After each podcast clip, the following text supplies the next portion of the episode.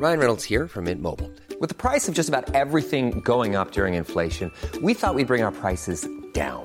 So to help us, we brought in a reverse auctioneer, which is apparently a thing.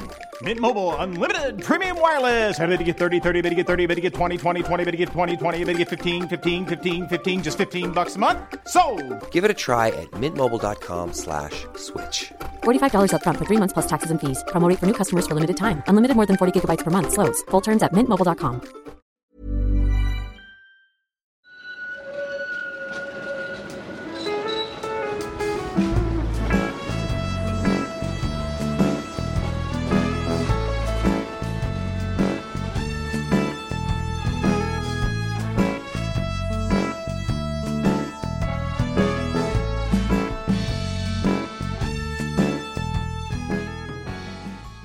look who's back.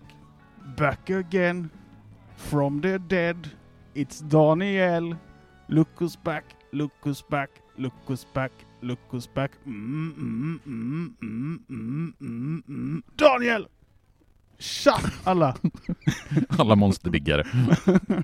Hej Daniel! Hej Mattias! Var har du varit de senaste två månaderna? Jag tog väl eh, lite ledigt tror jag. Mm. Eh, mycket jobb, eh, jul, eh, så jag kände nog att jag bara fick säga till det att eh, Nu får Malin ta över istället. ska vi göra det här eh, så behöver det vara på mina villkor och då landade det i att det tog två månader innan jag kom tillbaka. Mm. Men kul att ha dig här igen. Ja, och vad är det vi håller på med här? Vi gör en podd som heter Gator och torg i Göteborg. Just det, det har jag nästan glömt. Ja, eh, kan du berätta konceptet? Vad handlar Gator och torg i Göteborg om? Jag tror att det handlar om att vi åker ut till olika platser och pratar om dem. Mm. Och de måste nog finnas i Göteborgs kommun nästan till och med. Ja, vi fick faktiskt en fråga, jag tror att det var på Patreon, om vi kunde göra något om Bohus fästning. Men Mm. Bohus fästning ligger ju i Kungälvs kommun. Mm, däremot jag- kan vi gärna festa där. Mm. Mm, mm. Så bli gärna Patreons och bidra till vårt eventuella festande i Ja. framtiden på Bohus fästning. Betyder det att vi, för första grejen vi pratade om var ju att vi skulle vara på nya Älvsborg när vi fick Ja, 100 Vi, Patreons. jag tror att det gäller fortfarande, för nu är vi typ 75-ish så Patreons. 500 Patreons så blir det Bohus fästning. Då hyr vi hela Bohus, om man ens kan göra det, jag vet inte. Jag vet ju att de har marknader och medeltidsmarknader där, så på något sätt kan man ju boka. Ja, 500 Patreons och alla är på 500 kronors nivån och har varit Patreons i 10 år. Absolut, vi bokar Bohus fästning, jag lovar det. Nej men, Men kan man inte betala lösen för fästningen då? Åh, intressant tanke. Intressant tanke. Vi, ser, vi ser vad vi kommer med det här känner jag. Men vi kan väl Köpa loss Bohus Vi kan väl ändå säga att blir vi 100 Patreons, då blir det någon typ av evenemang ute på Nya Älvsborg, alltså ute vid Kyrkogårdsholmen. Och det Mm. är typ 25 Patreons dit. Mm. Hur gör man om man blir Patreon Daniel? Då eh, googlar man på Patreon Och mer? Eh, och sen så letar man upp eh, gator och torg i Göteborg där Mm. tror jag. Det finns nog någon länk i avsnittsbeskrivningen, jag Ja, det brukar lägga in det det. Eftersom du brukar vara så dålig på att Jag ihåg är adressen. superdålig på sånt här. Malin har ju egentligen efter 20 avsnitt lärt sig, lärt sig adressen, så att, eh, jag ska sätta dig i skola på det också. Ja, hur många avsnitt har jag varit med? Någonstans runt 20 också kanske? Ännu mer kanske? Ja, betydligt fler. Men, Men, jag eh, lär mig inte. Nej, du är helt eh, obildbar. Var, är, vi, var är vi någonstans? Nu, nu är vi ju på, eh, det här har jag tänkt lite på, nu är för mig väldigt så, ground zero, historisk mark. För vi är på eh, Göteborgs första satellittorg va? Mm. Som heter så mycket som Radiotorget. Mm. Och vi sitter på Radiotorgets enda pizzeria. Du hade förvånansvärt svårt att hitta från busshållplatsen till pizzerian. Ja men det hänger nog ihop att jag är lite på spektrat. Så Ja. du säger jag sitter på pizzerian och då letar jag efter en stor skylt där det står pizzeria. Men det står Giggi på den. Och med, med små, små, små bokstäver står det pizzeria under. Så, Så att, bara, från busshållplatsen såg Ingen det. aning, vad pratar du om? Men det är i alla fall här vi sitter på Radiotorget. Ja, Och eh, det är vi väldigt glada för. Och du tog lite fotografier när du gick av busshållplatsen. jag la upp en grej på min Facebook Nej, bara. men- Men jag tänker att vi ska ta lite fler foton och var kommer de hamna sen? De kommer hamna på våran Instagram. Där kommer- Heter den Gator och torg i Göteborg hela eller heter den bara Ja, Gator och du torg? kan, du kan söka på Gator och torg i Göteborg. Jag tror att det är själv hela namnen, men det är Gator och torg i Göteborg. Men söker du på Mm. Gator och torg i Göteborg på Instagram så hittar du den och där lägger vi upp lite bilder. Dels från hur Radiotorget ser ut idag, men också hur det har sett ut historiskt. Med tanke på när Radiotorget byggdes, Mm. eh, är det här ens en kandidat för det gamla Göteborg? Eh, ja, det tycker jag. Det gamla Göteborg skulle kunna vara... Jag har lagt upp bilder på det gamla Göteborg där jag jämfört bilder från 70-talet med Mm. nutid och även, tror jag faktiskt, från pennygången från tidigt 2000-tal med nutid. Så det, jag tycker det gamla Göteborg får ändå sägas vara 50-tal. Kan, väl, eh, Kan man inte då nästan säga att eh, det gamla Göteborg kan definieras som året innan året det är nu? Mm. Så vi lägger upp en bild från förra året när, vi var här, när jag var här och lagade min cykel och så Mm. lägger jag in en bild från hur det ser Eller ut idag. kanske, eller kanske det är lite så här det måste vara en viss ålder på det, men skulle det ha hänt en stor förändring så Mm. räknas det också. Ja, och det har det ju faktiskt gjort här på Radiotorget, så det kan ju faktiskt vara aktuellt att lägga upp bilder och jämföra 2017, 2019 och 2021 till exempel. För det Mm. är ganska stor skillnad där mellan hur Radiotorget såg ut bara för en handfull år sedan mot hur det ser ut idag. Men nu har vi pratat ganska mycket om själva Radiotorget. Eh, jag tror också att den observanta lyssnaren nog kan räkna ut ungefär i Göteborg vart det ligger, men kan du vara mer precis? Vart finns Ja, alltså det är inte helt självklart var Radiotorget ligger. Jag tror inte säkert att alla som lyssnar på, på avsnittet har varit på Radiotorget, för det är ju ett litet torg som ligger avsides. Men just det att det heter Radiotorget Mm. avslöjar ändå lite den geografiska positionen. Ja, om du håller dig i förhållande till exempel Marconi-motet eller Rundradiogatan eller Antennvägen eller liknande gator så är det ju ett torg som ligger i den här stadsdelen som har fått namn just efter olika radioslag. Och det namnet ska komma ifrån att det har legat en rundradiostation i Järnbrott. För när man Mm. under efterkrigstiden skapar alla de här nya Är det någon bostadsområdena slags motsats till fyrkantig radio eller? Ja, en rundradio är en sån som, som, är, som man har som en, en liten rund sak i, eh, i sitt vardags... Nej, men det man gör under efterkrigstiden när man skapar alla de här nya bostadsområdena, det är ju att man ger dem gruppnamn på olika sätt. Vi har ju här i Frölunda de här olika musiknamnen som Musikvägen och Dragspelsgatan, Mandolingatan och så vidare. Vi har uppe i andra delar av Göteborg, till exempel på Biskop, i Biskopsgården, namn efter väderslag. Och runt Radiotorget så heter ju saker och ting saker som har med radio att göra. Men ska man lägga in Radiotorget någonstans geografiskt så har vi ju Dag Hammarskjöldsleden i öster. Det är ju egentligen bara ett stenkast. Jag tror det är 50 meter någonting till Dag Hammarskjöldsleden härifrån Radiotorget. Och sen har vi en gata som heter Antenngatan som går rakt igenom Radiotorget. Även om själva torget i sig är bilfritt så delas det av eh, ganska tydligt av Det hade den varit skitroligt, nu vet inte jag hur det ser ut uppifrån, men om det var så att du har Radiotorget och sen har du Antenngatan som går ut som en antenn från själva Radiotorget. Tyvärr är det ju inte så, den Nej. går ju rakt igenom. Det är jättesynd, men det borde, borde de ha ha tänkt på det när man planerade för hur man skulle bygga. Verkligen. Och sen har du ju bebyggelse runt omkring Radiotorget som jag tänker att vi kommer till när vi ska prata om hur Radiotorget växer fram på 1950-talet. I'm Sandra, and I'm just the professional your small business was looking for. But you didn't hire me because you didn't use LinkedIn jobs. LinkedIn has professionals you can't find anywhere else, including those who aren't actively looking for a new job but might be open to the perfect role, like me. In a given month, over 70% of LinkedIn users don't visit other leading job sites. So if you're not looking on LinkedIn, you'll miss out on great candidates like Sandra. Start hiring professionals like a professional. Post your free job on linkedin.com/people today. Burrow is a furniture company known for timeless design and thoughtful construction and free shipping, and that extends to their outdoor collection. Their outdoor furniture is built to withstand the elements, featuring rust-proof stainless steel hardware, weather-ready teak, and quick-dry foam cushions. For Memorial Day, get 15% off your Burrow purchase at burrow.com/acast, and up to 25% off outdoor.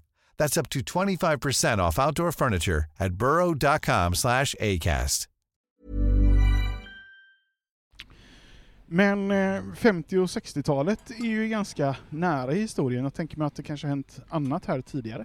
Ja, alltså vi skulle kunna gå tillbaks till stenålder och bronsålder och liknande, för det finns ju. Men det ska vi inte göra Daniel, tyvärr. Men vi kan ju nämna åtminstone att det finns en del lämningar här i närområdet från de här perioderna, vilket gör det till någon typ av historisk mark. Men om vi ska börja prata om området så får vi gå till medeltiden då Västra Frölunda socken växte fram. Och det här är ju en del av gamla Västra Frölunda socken och där fanns ju byar med namn som Grimmered och Ekebäck och Tofta och liknande. Men du Mattias, Mm. jag kom på en helt ny grej här nu. Varför heter det medeltiden? Därför att det är en period mellan två perioder, en period mellan två epoker. Betyder det att den tiden vi lever i nu till slut också kommer bli en annan medeltid? Nej, men anledningen till att det heter medeltiden på riktigt om man ska svara på frågan, det är ju för att man under renässansen tänkte sig tillbaka till antiken som en guld, guldålder och perioden mellan antiken och renässansen var då en tid emellan. Ah. The Middle Ages och därav namnet medeltiden. Ja, då fick vi det utrett också. Ja, och det är då under den här perioden som Västra Frölunda socken växer fram och det här området där Radiotorget ligger idag tillhörde Flatås by, om jag har tolkat kartorna, åtminstone de tidiga 1900-talskartorna, där det fortfarande finns byar i området kvar. Men idag så skulle nog ingen säga att Radiotorget tillhör Flatås, utan snarare, snarare Järnbrott, som också var en by i Västra Frölunda socken. Och där bröt man järn, eller hur? Nej, det var ju det man inte gjorde. Inte vad man vet i alla fall. Fan vad dåligt. Men namnet järnbrott, det har ju av många missförståtts just som att en plats där man bryter järn. Men den äldsta kända stavningen på namnet är jämnbrodd, som betyder jämn röjning. Alltså, jag skulle läsa det jambrudhe. Ja, det, jag är lite dålig på de här medeltida Alltså, stavning, det, jag tror jag är stavningarna. ännu sämre, för jag bara läser det med göteborgska. Men det det betyder, det är alltså ett område, ett röjt område när man har röjt undan och man har gjort det jämnt. Så att järnbrott betyder helt enkelt förmodligen jämn, äh, jämn röjning. är det därifrån ett jävla röj kommer ifrån då? Det kan man fundera på. Men det är i alla fall först på 1200-talet som det här området blir en del av en svensk korridor ut, i, ut till havet. Och sen under medeltiden så växer som sagt Frölunda socken fram och sen blir det här en gränstrakt fram till freden i Roskilde 1658. Jag tänker vi ska snabbspola för vi har pratat om det här så himla många gånger. Mm. Så vi kan egentligen spola fram till 1800-talet då man börjar bebygga de norra delarna av Frölunda. Men jag vill ändå Socken. hålla mig kvar lite i 1200-talet. Mm. För du sa det liksom, man tror. Alltså, det är ändå lite intressant, du som historielärare och sådär. Hur Mm. kommer det sig, hur, varför vet vi inte? Det beror ju på brist på källor. Alltså ju längre tillbaka i tiden vi går, desto färre källor har vi. De flesta historiker brukar mena att eh, Lundby och Tuve socknar på Hisingen och eh, det området, alltså Örgryte socken på den södra älvstranden blev svenska på 1200-talets mitt. Men källäget är lite svajigt. Det vi vet med säkerhet är ju att i freden i Roskilde 1658, då blev ju hela Bohuslän och hela Halland svenskt, vilket gjorde att det här området inte längre var en gränstrakt. Så, eh, det här århundradet som vi brukar gilla att prata så himla mycket om, 1800-talet, det snabbspolar vi lite också. Ja, vi har ju pratat ganska mycket. Vill ni veta om Frölunda under 1800-talet, lyssna på avsnittet om Frölunda torg. Då pratar vi länge och väl om vad som händer i Frölunda under 1800-talet. Men det finns saker som särskiljer sig under 1900-talet i området i alla fall. Ja, alltså under 1900-talets första årtionden så gör man de första liksom, samlade utbyggnaderna. Om vi liksom inte räknar Älvsborgs municipalsamhälle som kommer lite tidigare. Men i de norra och nordöstra delarna av Frölunda socken så har vi till exempel Frölundaborgs villaområde, som du och jag pratade om i avsnittet om Marklandsgatan. Just det, Vi har högst på Torpen i de norra delarna och högst på kolonistugeområde. har vi också pratat om. Eh, ja, också då i avsnittet om Pennygången och även i avsnittet om Marklandsgatan pratade vi om koloniträdgårdarna tror jag. Mm. Eh, och sen så händer ju någonting i det här området som får väldigt stor betydelse. För det blir en samling inflytelserika göteborgare med sommarvillor nere i Särö som runt sekelskiftet 1900 bestämmer sig för att ordna fram citat vettig och bekväm kommunikation mellan stan och badorten Särö. Mhm. Och den 13 juli 1903 så öppnar den här banan för trafik. Och då är detta Särebanan vi pratar om. Det är mycket riktigt Särebanan och den har vi också gjort ett... Det blir mycket så här, vi hänvisar tillbaka till gamla Ja, avsnitt, men det det, är härligt, får man jag. väl ändå göra. Ja, det tycker jag. Jo, och den, den invigs ju eh, 1900... Men det är också viktigt Mm. att säga, det är inte, ingen spårvagn eller så, utan det är tåg va? Ja, det är en järnväg. Och vi det. pratade mycket om järnvägshistoria i avsnittet om Särebanan. Men vi har ju de första järnvägarna i Sverige under mitten på 1800-talet. Och sen så har vi Västra stambanan mellan Göteborg och Stockholm som invigs 1862. Men Särebanan den invigs ju under de första åren på 1900-talet. Och Men kommer- vet vi vilken den första banan är? Ja, den första banan det är en privat sträcka mellan Örebro och Erevall som sedan dras vidare till Arboga. Så det är den första järnväg, men den drivs då i privat bruk 1856 tror jag att den invigs. Men Särebanan den invigs då under tidigt 1900-tal och sen är den faktiskt verksam fram till 1965. Och anledningen till att man lägger ner Särebanan, och den gick ju precis här nedanför Radiotorget, den gick ju där cykelbanan går Så idag. mitt inlägg på sociala medier om att det borde finnas en spårvagnshållplats här är inte helt off topic liksom? Nej, om du går ner till cykelbanan och sen så går du en bit söderut mot järnbrottsmotet så kommer du på höger sida faktiskt se rester från den gamla stationen. Det är väldigt lite, det är två stycken stenar som finns i marken. Men du kan faktiskt se att det har legat en Jag järnvägsstation. gillar den nu, det är lite, det är två stenar. Ja. Okej. Nej men grejen är att man har ju faktiskt på riktigt lobbat för att utveckla och bygga ut Säröbanan igen. Jag vet inte om det är så realistiskt att göra det, men det är ändå en kul tanke. För det har ju funnits kollektivtrafik Mm. längs med cykelbanan och sen ner till eh, Särö. Men den försvinner ju då 1965 så har Säröbanan gjort sin sista tur. Men efter kriget där, 1945, så händer det ju ganska mycket i Göteborgs historia. Expansion och så vidare. Bland annat så blir Västra Frölunda en del utav Göteborg. Ja. Vad händer då här liksom? Ja, alltså Västra Frölunda inkorporeras ju i Göteborg 1945 och då har man redan tidigare, faktiskt redan 1918, på Västra Frölunda kommunalstämma haft ett förslag om införlivning och i de södra delarna av Västra Frölunda, där det var mest aktivt jordbruk, där var man inte så förtjust i att bli en del av Också det Göteborg. som ligger längst bort från Göteborg va? Ja, och medan de delarna då som låg i Älvsborg var mer positiva, för där ligger man närmare Göteborg. Och det som man ville ha från Göteborgs sida med Västra Frölunda, det var ju jordbruksmark som man lätt kunde bebygga i nuvarande järnbrott och Rud. För det här betraktades vid den här tiden som den största markreserven för Göteborgs stad. Och tanken var att hälften av den bostadsproduktion som man hade planerat skulle förläggas till det här nyinkorporerade Frölunda.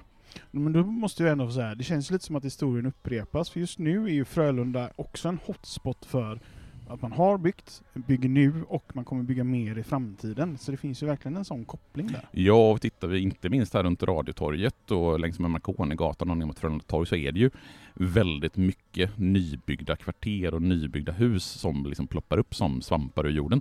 Så som det var, mycket riktigt som du påpekar, under 50 och 60-talet. Och redan Det är in... nästan som man kan tro att sådana här cykler går någon slags 50-60 årsperiod. Ja, det är lite som namn på barn. Eh, går också i cykler, kanske om 100 år. Så heter alla Knut. Ja, ungefär så. Men planeringen av området kommer igång under senare delen av 40-talet, det vill säga när Västra Frölunda har blivit en del av Göteborg.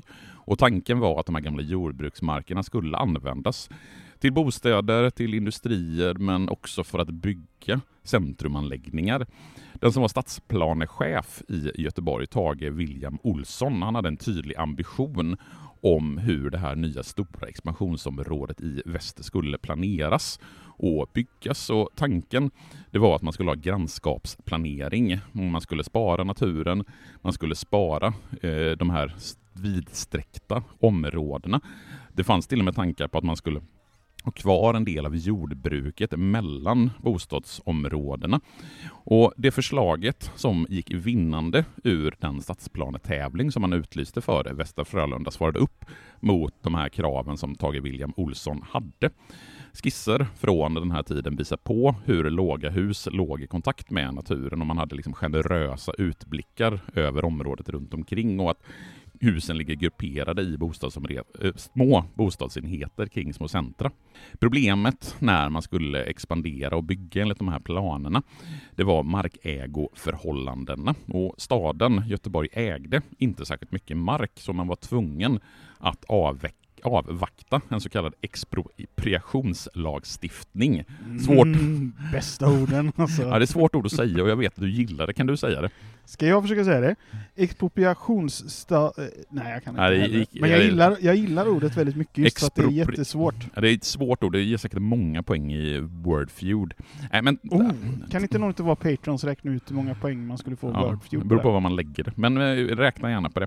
Men under tiden så arbetade man med andra områden som man hade införlivat i stan och områden som stan redan ägde. Sen så bebyggs ju själva Frölunda-slätten under första hälften av 1960-talet. Men de här idéerna som fanns från den här Västra Frölunda-tävlingen fanns med i de först utbyggda bostadsområdena, bland annat här i Järnbrott, i Högsbotorp och Södra Kaverös, vilket då uppfördes enligt de här grannskapsenhetsplanerna och modellerna. Jag tror inte att vi har pratat om sådana här grannskapsenheter tidigare, så jag, jag, vet, jag vet in- inte helt hundra på vad det är för någonting. Nej, men man skulle kunna liksom beskriva det som en, som en idealmodell, som en, en tanke på hur man ska planera och hur man ska bygga ett område. Det ska finnas ett vackert torg så att säga, mitt i byn och det ska finnas olika hustyper runt omkring. Och de här grannskapsenheterna ska vara väl avgränsade från omgivningen istället för att man ska fortsätta bygga en kvartersstad som hänger ihop. Och tanken med det är ju att man ska skapa en förutsättning för en gemenskap mellan grannarna så att liksom folk känner varandra i området och då ska det också finnas ett lokalt torg som man ska gå till och utföra sina ärenden. Tror du att det är lite härifrån den här idén om Göteborg som en storstad med flera städer i, eller flera byar i, kommer ifrån? Ja, det finns ju ganska många städer som utvecklas och expanderar under 50 och 60-talet. Eh, så jag tror inte att det är speciellt unikt för Nej. Göteborg egentligen. Utan det är snarare en idé som man har i hur man planerar städer på 50-60-talet. Men när man då liksom kommer in på Eh, det göteborgska och det frölundska och det järnbrottska 1950-talet så är ju järnbrott och Flatås fortfarande ren landsbygd. Det finns handelsträdgårdar och jordbruk och det går kor och betar och sädesfälten böljar. Men man har ju en plan för hur man ska bygga järnbrott. Det ska vara låga punkthus, trevånings lamellhus i ganska låga, långa längor som följer terrängen. Och husen i järnbrott är ju, bygg, järnbrott är ju byggda enligt någon typ av terrassmodell, vilket gör att står det här på Radiotorget och tittar upp mot järnbrott så ser det ju att man har bevarat den ursprungliga liksom, kullarna och byggt upp på kullarna så att husen och områdena ligger liksom som på terrasser upp på höjden. Alltså det känns ju verkligen som att eh, det skett ett jättestort samhällsskifte där mellan 50 och 60-talet. Mm. Som, som du och jag helt har missat. Men, men bara man hoppar nästan till våra föräldrar så har de nog upplevt det här stora skiftet. Jo, men det, det är ju en enorm omvandling av det svenska samhället under rekordåren, alltså under 50 och 60-talet, som vi har varit inne på i podden vid flertalet tillfällen, just hur eh, Sverige i allmänhet och Göteborg i synnerhet genomgår en jätteomvandling under Det efterkrigstiden. känns nästan lite revolutionärt. Ja, det skulle man ju nästan kunna drista sig till att säga. Så, en sån här punkt i den revolutionen eh, är ju e- egentligen när Radiotorget byggs, och är också därför jag nämnde att vi var lite på historisk mark, det här Mm. med, eh, vad är det, nästan Europas första satellittorg. Ja, alltså det finns ju lite, jag har inte gått till botten med det här, men det står i liksom olika typer av litteratur. Jag tror att vi kan vara överens om att det är Sveriges första satellittorg. Eh, det står i vissa källor att det är Europas första satellittorg. Det står faktiskt i en av källorna att det är världens första satellittorg. Fast man, det står väl också att man var inspirerad av USA va? Ja, så jag tror inte att det är värd, men det är ju liksom, man ligger ju ändå i framkant när man bygger det här satellittorget och att, det, liksom att vi kallar det för ett satellittorg, det är ju att det är en handelsplats som ligger utanför stadskärnan, som inte egentligen har någon koppling till stadskärnan, det ligger liksom som en satellit utanför staden. Och det är liksom en förort som får ett eget centrum. Det här är ju så pass revolutionerande att stadsbyggnadsexperter från hela Europa kommer till Radiotorget för att studera det här fenomenet med ett satellittorg. Och det är ganska roligt när man tittar på bilder från det nybyggda Radiotorget och det nybyggda järnbrott. För Radiotorget invigs 1953. Det står 1954 på väldigt många ställen, men jag har gått och kollat i tidningsarkivet. Så är, då är det tio år senare som Frölunda torg invigs då? Nej, Radiotorget invigs 66, Ja, så det är 66 drygt, det. drygt tio år eh, senare. Men Radiotorget invigs 1953. Och när Radiotorget invigs och när järnbrott då är färdigbyggt så ligger det verkligen som en satellit mitt ute i... Det finns liksom ingenting runt om egentligen. Flatås är inte byggt, Frölunda är inte byggt. Så det ligger verkligen helt själv, verkligen Mm. som, en helt, som en satellit. Lite som Angered idag. Ja, absolut. Det är väldigt likt, men ändå idag så tänker vi ju järnbrott som ganska stadsnära. Ja, ja. Och det- det är verkligen som- Om vi tänker tiden då, och om vi till exempel går tillbaka till 1800-talet när man tyckte det var långt att gå till Stora Teatern. Så är det ännu längre hit. Ja, Ja, jag är helt med på Så, det. så det enda som händer över tid är att avstånden blir mycket längre, men vi upplever dem som kortare. Ja, så är det ju absolut. Och lite som du var inne på så finns ju inspirationen till Radiotorget att se och finna i USA. Och efter det att Radiotorget står klart 1953 så bygger man många efterföljare i både Göteborg och i Stockholm och runt om i, Sverige. Kan vi lista de andra satellittorgen i Göteborg? Vi ska inte ta alla, men vi kan ju ta några exempel på där vi har varit. Kortedala torg är ett Ja. exempel på ett satellittorg. Vågmästarplatsen heter inte Vårväderstorget i Södra Biskopsgården är ett exempel på ett satellittorg. Axel Dahlströms torg blir ett satellittorg när det Mm. är byggt. Och arkitekterna som liksom må, vet inte, målar, vad säger man, eh, ritar eh, Radiotorget, liksom de byggnader som uppförs kring stadsdelen som dessutom har en stor betydelse för många av de här andra satellittorgen. Det är Sven Brolid och Jan Wallinder. Och det man kan se tydligt när man tittar på hur Radiotorget ritas och även hur järnbrott ritas, det är ju att den är funktionalistisk. Att funktionalismen har stor betydelse för hur man utformar det här torget. Och då blir det ju såklart intressant. Framförallt sånt, sånt här tycker jag är jätteroligt. Men vad är då funktionalism? Ja, det är ju en arkitekturstil som vi ibland kallar för funkis. Och den får sitt stora genombrott i Sverige i samband med Stockholmsutställningen 1930. Och funktionalismen i Sverige blir en variant av den modernistiska stilströmningen som fanns nere på den europeiska kontinenten och i Nordamerika. Och tanken med funktionalismen det är att man förordar en utveckling som har liksom en enklare och mer industriellt, eh, industriellt baserad byggteknik. Och utgångspunkten det var att man ville bygga billigare, man ville bygga mer rationellt och man ville bygga mer med industriellt framtaget byggnadsmaterial. Det här känns ju oerhört svenskt. Ja, och det känns ju väldigt progressivt i någon ja. mening hur man tänker och hur man planerar i det svenska folkhemmet. Det ska vara billigt att bo, man ska kunna uppföra och det är ju det som sen spiller över i hur man bygger själva miljonprogrammet. För tidigare så hade byggnader framförallt fått sitt utseende utifrån vad människor tyckte var vackert.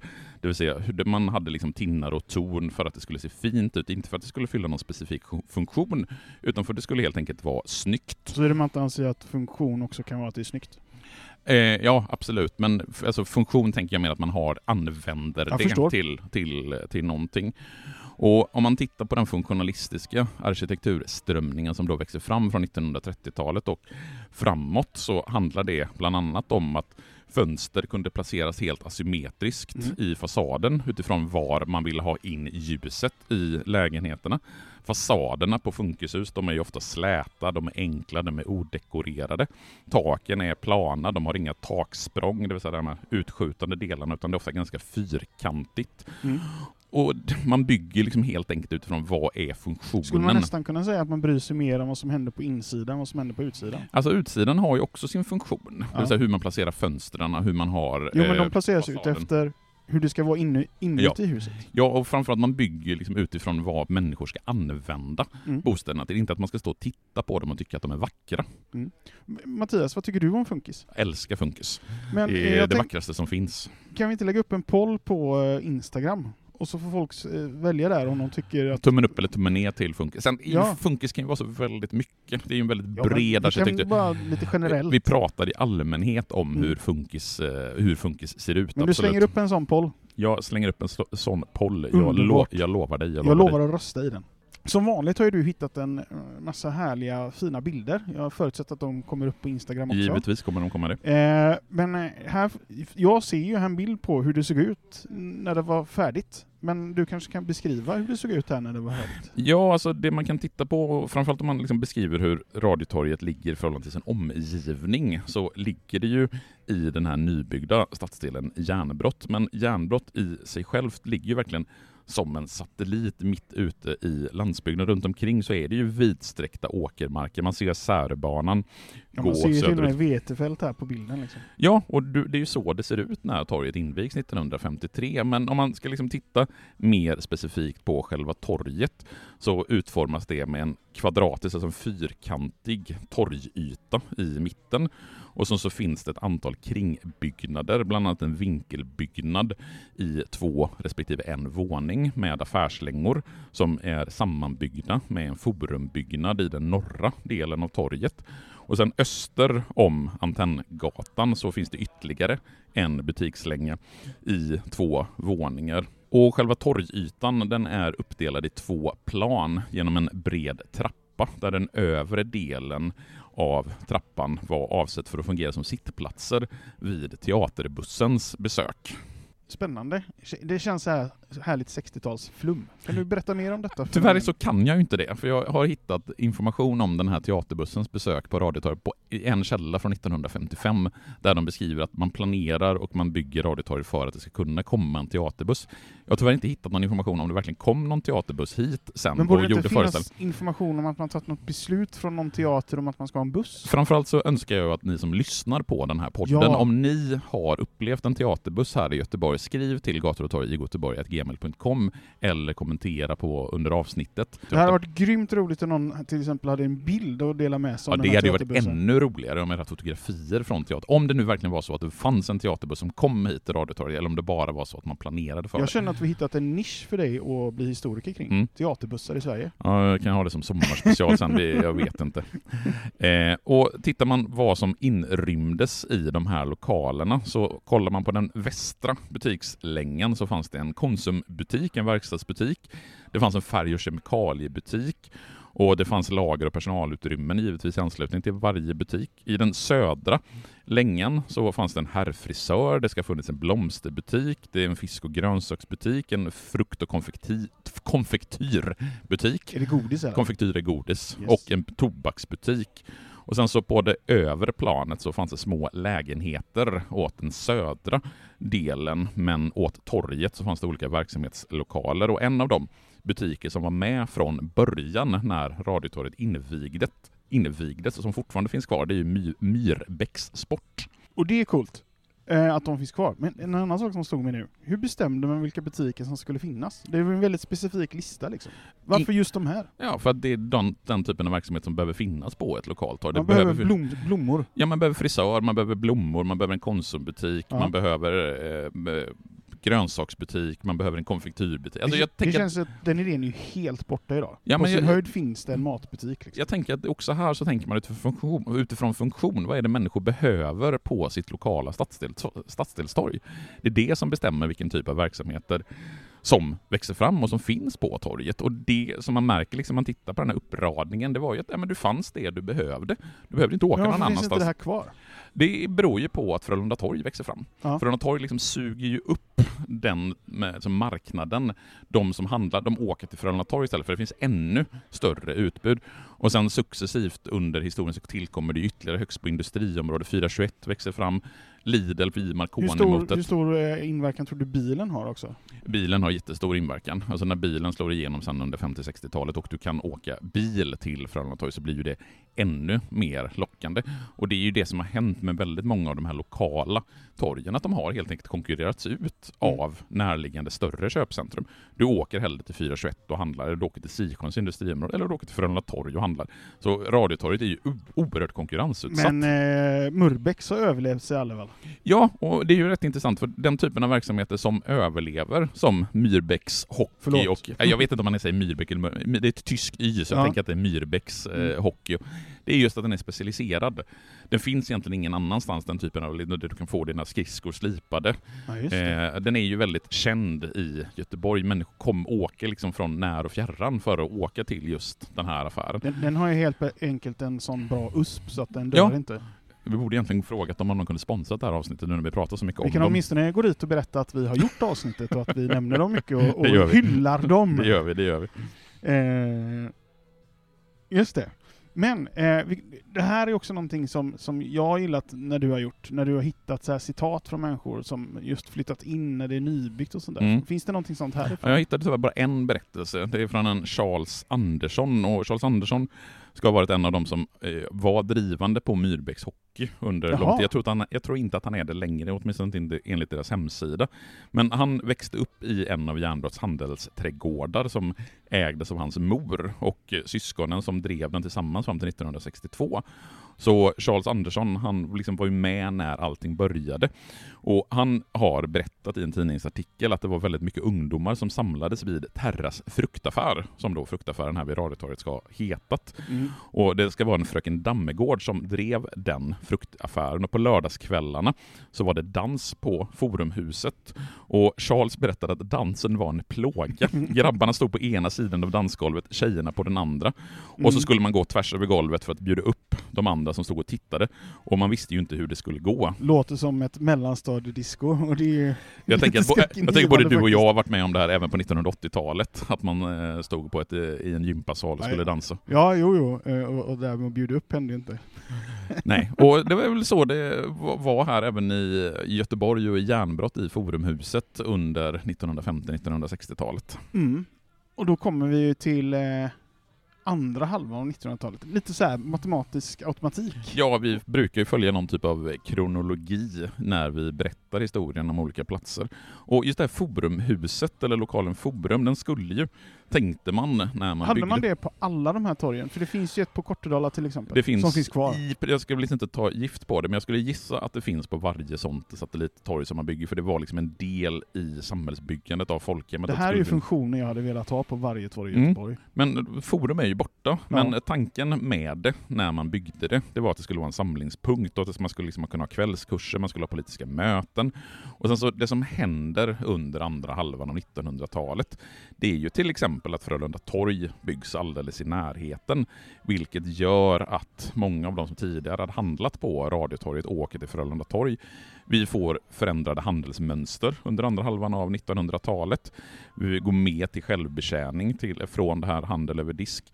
Det blir mindre och färre av de här specialbutikerna. Fruktaffärer och fiskaffärer och köttaffärer försvinner till förmån för storköp.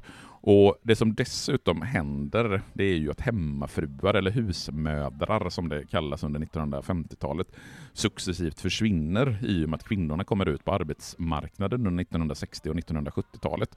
Och det var ju framförallt husfruarna, eller hemmafruarna, som gjorde de här dagliga ärendena, som hade tid att gå från butik till butik och göra de dagliga inköpen. När de försvinner så måste man lite grann med nödvändighet rationalisera bort den här dagliga handeln och göra istället kanske veckoinköp. Man tar bilen till Frölunda torg och veckohandlar. Eller som idag, man åker till Willys Sisjön eller ICA Maxi Eller kanske 421. ännu mer vanligt, man går in på typ Amazon och beställer hem det. Ja, och det har ju varit liksom riktig butiksdöd för många, just att internethandeln, om vi nu kommer in på liksom 2000-talet, så att det verkligen har konkurrerat ut olika typer av butiker. Det som dock har överlevt, det är ju just Myrbäcks Hockey som specialaffär. Och sen så har ju faktiskt den lilla fiskaffären, som jag inte vet hur länge den har funnits, men där brukar jag alltid köpa sill till både midsommar Mhm. och jul, för jag tycker att det Det finns... förklarar varför du tyckte det var konstigt att jag aldrig varit här förut. Ja, nej men jag brukar faktiskt åka hit med regelbundenhet och just att köpa sill. Mm. De har väldigt god hemmagjord sill. Det kan jag verkligen lyfta. Så har vi Klyftan missat heter. två sponsorer. Ja, alltså bedrövligt är det. Det jobbiga är nu att jag kan säga fel, för ja, nej, jag tror att den heter Klyftans, eh, eller Luckans, nej Luckans är nog i Vi går, Majorna. och, vi, vi går och tittar Ja. och sen så korrigerar vi på Instagram Ja, jag tänker vi, vi klipper in så, bara att jag säger det, säger det rätt. Nej men det som händer, om vi ska liksom göra väldigt kort centralt, vad som hände med Radiotorget under andra halvan av 1900-talet och en bit in på 2000-talet, det är ju att verksamhet efter verksamhet konkurreras ut av Mm. närbelägna storköp. Och det som brukar beskrivas som liksom den absoluta vad ska man säga, dödsstöten, spiken i kistan, det är ju när man öppnar Lidl borta vid Marconi-motet som verkligen bara är ett stenkast härifrån. Det konkurrerar ut eh, mycket av verksamheten där man haft eh, livsmedelshandel på eh, Radiotorget. Mm. Så vi, vi kan säga att det var en, ändå en stor förvandling här på 50-60-talet. Mm. Och, eh, och hur ser det ut nu? Är vi i en ny stor förvandling här eller? Jag tycker väl ändå att man kan beskriva, det är inte riktigt lika radikal och genomgripande som den på 1950-talet, för det går ju från ren jordbruksmark till att det pang, här bygger vi upp ett satellit, eller ett satellitstad med ett satellittorg. Men Det är ingen revolution nu som det var då. Nej, det är en liten långsam sossereform skulle man kunna säga. Nej, men det som hänt, har hänt un, i, eller i, på Järntorget under, de senaste, under det senaste årtiondet, det är ju att man har börjat planera och faktiskt också byggt en hel del nya bostäder. Och planerna för järnbrott och för Radiotorget, jag tror att man börjar smida de planerna runt 2014, någonting sånt där. Och projektet ingår i det som kallas för Bostad 2021, som är en del av den här jubileumssatsningen Göteborg fyller 400 Så nu år. kanske ska kallas 2023 istället. Ja, men jag tror den heter Bostad 2021 Jo, det vet jag att den, den gör, men, men man hann inte riktigt. Nej, det, det händer ju saker i världen om vi Mm. säger så. Och tanken det är att det ska, eller tanken var att det skulle byggas en hel del nytt runt Radiotorget. Jag tror att det ska ha tillförts 166 nya lägenheter i anslutning till Radiotorget. Och man har byggt tre olika byggnader i direkt anslutning till Radiotorget. Och under 2019 så river man då det här gamla forumhuset och den västra butikslängan, alltså det, den byggnaden som vi sitter i nu, var ju, revs ju och sen så byggdes den här som vi sitter i, byggdes. Ja, nu får jag ihop det. Ja, den som byggnaden som vi sitter i revs inte, utan den Nej. som stod här innan givetvis revs. Yes. Och sen så byggde man en ny under 2019-2020. Och det var det jag menade, att man skulle kunna lägga upp från det gamla Göteborg, bilder från 2017, då det gamla forumet står kvar, 2019, då det är rivet, och 2021, då det här nya huset med bland annat den här pizzerian har ploppat upp. Vi gör helt enkelt en eh, liten historisk dokumentation för framtiden Mm. i direkt närtid. Ja, det tycker jag absolut att med. Så det som har hänt under de senaste åren på Radiotorget, det är ju att det har tillkommit dels den här pizzerian, som ju blir då som en kvarterskrog för Radiotorget, plus att det då är ett eh, hundratal drygt nya lägenheter Mm. med ja, massa nya människor som eh, bor runt omkring Radiotorget. Så, framtidsspekulation Mattias. Ja, det är ju alltid intressant att resonera och tänka sig vad som kommer att hända med Radiotorget. För i och med då att det har tillkommit en massa nya lägenheter och en massa nya människor så skulle man ju kunna tänka sig att det skulle finnas ett underlag för fler verksamheter på Radiotorget. Men jag är inte så säker på det, för våra, våra liksom invanda mönster i hur vi handlar är, är svåra liksom att rucka på. Jag tror att fort, folk kommer fortsätta att beställa saker på nätet.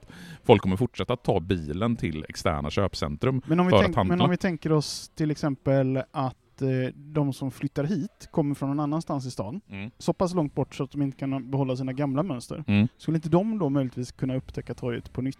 Nej, alltså jag tror att de här mönstren är så pass djupt ingrodda att man, man, man, man åker ändå till ett externt köpcentrum. Man Frölunda torg ligger så pass relativt nära att du Mm. med enkelhet kan göra dina ärenden på Frölunda torg likväl som Radiotorget. Det som däremot, jag tror faktiskt, att men en sån här lokal kvarterskrog, Mm. den fyller sitt syfte med Mm. en massa människor. Du åker inte, om du bara ska gå ner och ta en öl eller käka en bit, då åker du inte till Frölunda torg. Om du har då- dina kompisar här också då? Ja, och det, jag skulle nog faktiskt säga att det är ett ganska trevligt ställe, den här lokalen. Mm. Och kalsonen var, vad, vad gav vi för betyg? 3 plus? Eh, ja, det gjorde vi. 3 Ja, plus. helt okej. På en femgradig skala. Mm. Jag gav den väl en eh, sjua på en tiogradig skala. Så att det var lite över medel. Den var Ja, det var god. Den var god. Mm. Så att gå gärna hit och käka en, en calzone och stötta det lokala. Och Falconölen smakade som Falconölen. Ja, det var en Eriksberg i och för sig. Eh, jag det skulle, var Falcon på jag glasen. skulle aldrig nedlåta mig att dricka en Falcon. Eh, nej, men jag tror att Radiotorget ändå faktiskt har en framtid. Och Myrbäcks Hockey kommer förmodligen ligga kvar. Jag hoppas att fiskaffären kommer att fortsätta finnas för att deras sill är väldigt god. Det som är det stora problemet för Radiotorget, det är ju just att det är svårt att ta sig hit. Den ligger liksom bortom allfartsvägarna. Jag skulle just säga det, eh, jag som då som lyssnar av podden vet letar bostad, jag skulle ju inte flytta hit. Mm. Om det inte var så att jag visste att det skulle komma antingen en spårvagn eller en tunnelbana hit. Kul om det hade kommit en tunnelbana Jag vill hit. ha tunnelbana i Göteborg, det är därför jag nämner. Ja, kan vi inte bygga en tunnelbana där Säröbanan gick? Det hade varit något. det hade varit någonting. Ja, hade varit. Eh, Först, första, eh, ja nej, det, jag är för.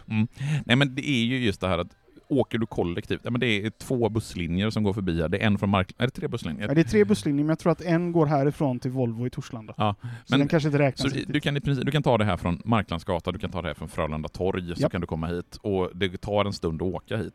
Mm. Det finns torg som ligger betydligt lättare, lättillgängligt. Så ska man väl i och för sig inte överdriva avstånd, det går ganska snabbt att gå till en spårvagnshållplats 12 härifrån. minuter tror jag jag såg i... Ja, och det är inte jättelång tid. Eh, att, att Nej, ta men det, det är ungefär eh, åtta minuter för långt. Nej, men, ja, men och det är ju det som är Radiotorgets nackdel. Ja. Att, du åker inte hit om du inte har ett specifikt ärende. Du har inte Precis. vägarna förbi. Det kan du ha vid Frölunda torg. Du kan ha vägarna förbi Frölunda torg för att du liksom byter där eller du ska någon annanstans. Lite samma med Så om Marklandsgatan. vi ska gå lite på det som du då har pratat om. Många åker hit för att det finns en specialbutik för hockey. Mm. Och åtminstone du åker hit för att de har jävligt god sill. Så du rekommenderar gärna det för fler som gillar sill. Absolut. Åk Ja. hit och köp deras... Det är värt det liksom, 40 minuters resa. Eh, ja, Ja. jag säger, jag sticker ut tungan och... Sticker ut tungan? sticker ut hakan. Klart du sticker ut tungan så du kan ut- smaka på sillen. Så är det. Ska vi känna oss nöjda för idag? Jag tycker det. Yes. Eh, vi avslutar med att det är gott att sträcka ut tungan för att smaka på sill. Jajamensan. Och så Ja. bli gärna Patreon om du inte redan är det. Ja. Gå in på vårt Instagram, följ oss där och så... sö- nej, se, nu var jag på väg att säga att vi ses. Vi hörs igen Vi hörs igen. om en vecka. Ja, och när vi har 100 Patreons så kanske vi ses. Det kanske vi gör. Det hade varit coolt.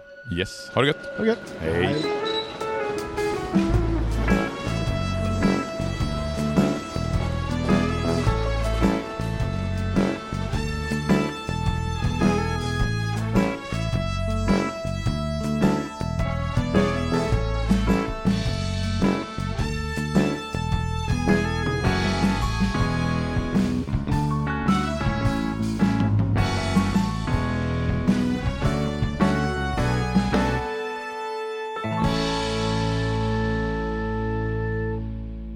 Gator och torg i Göteborg produceras av Reostat Media AB.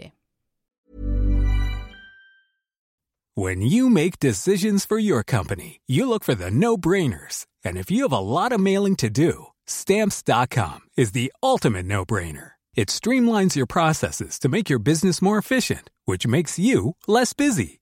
Mail checks, invoices, legal documents, and everything you need to keep your business running with stamps.com. Seamlessly connect with every major marketplace and shopping cart. Schedule package pickups and see your cheapest and fastest shipping options from different carriers. With rates up to 89% off USPS and UPS rates. And with the Stamps.com mobile app, you can take care of mailing and shipping wherever you are. Make the same no-brainer decision as over 1 million other businesses with Stamps.com. Sign up with Code PROGRAM for a four-week trial, plus free postage and a free digital scale. No long-term commitments or contracts. That's Stamps.com. Code PROGRAM.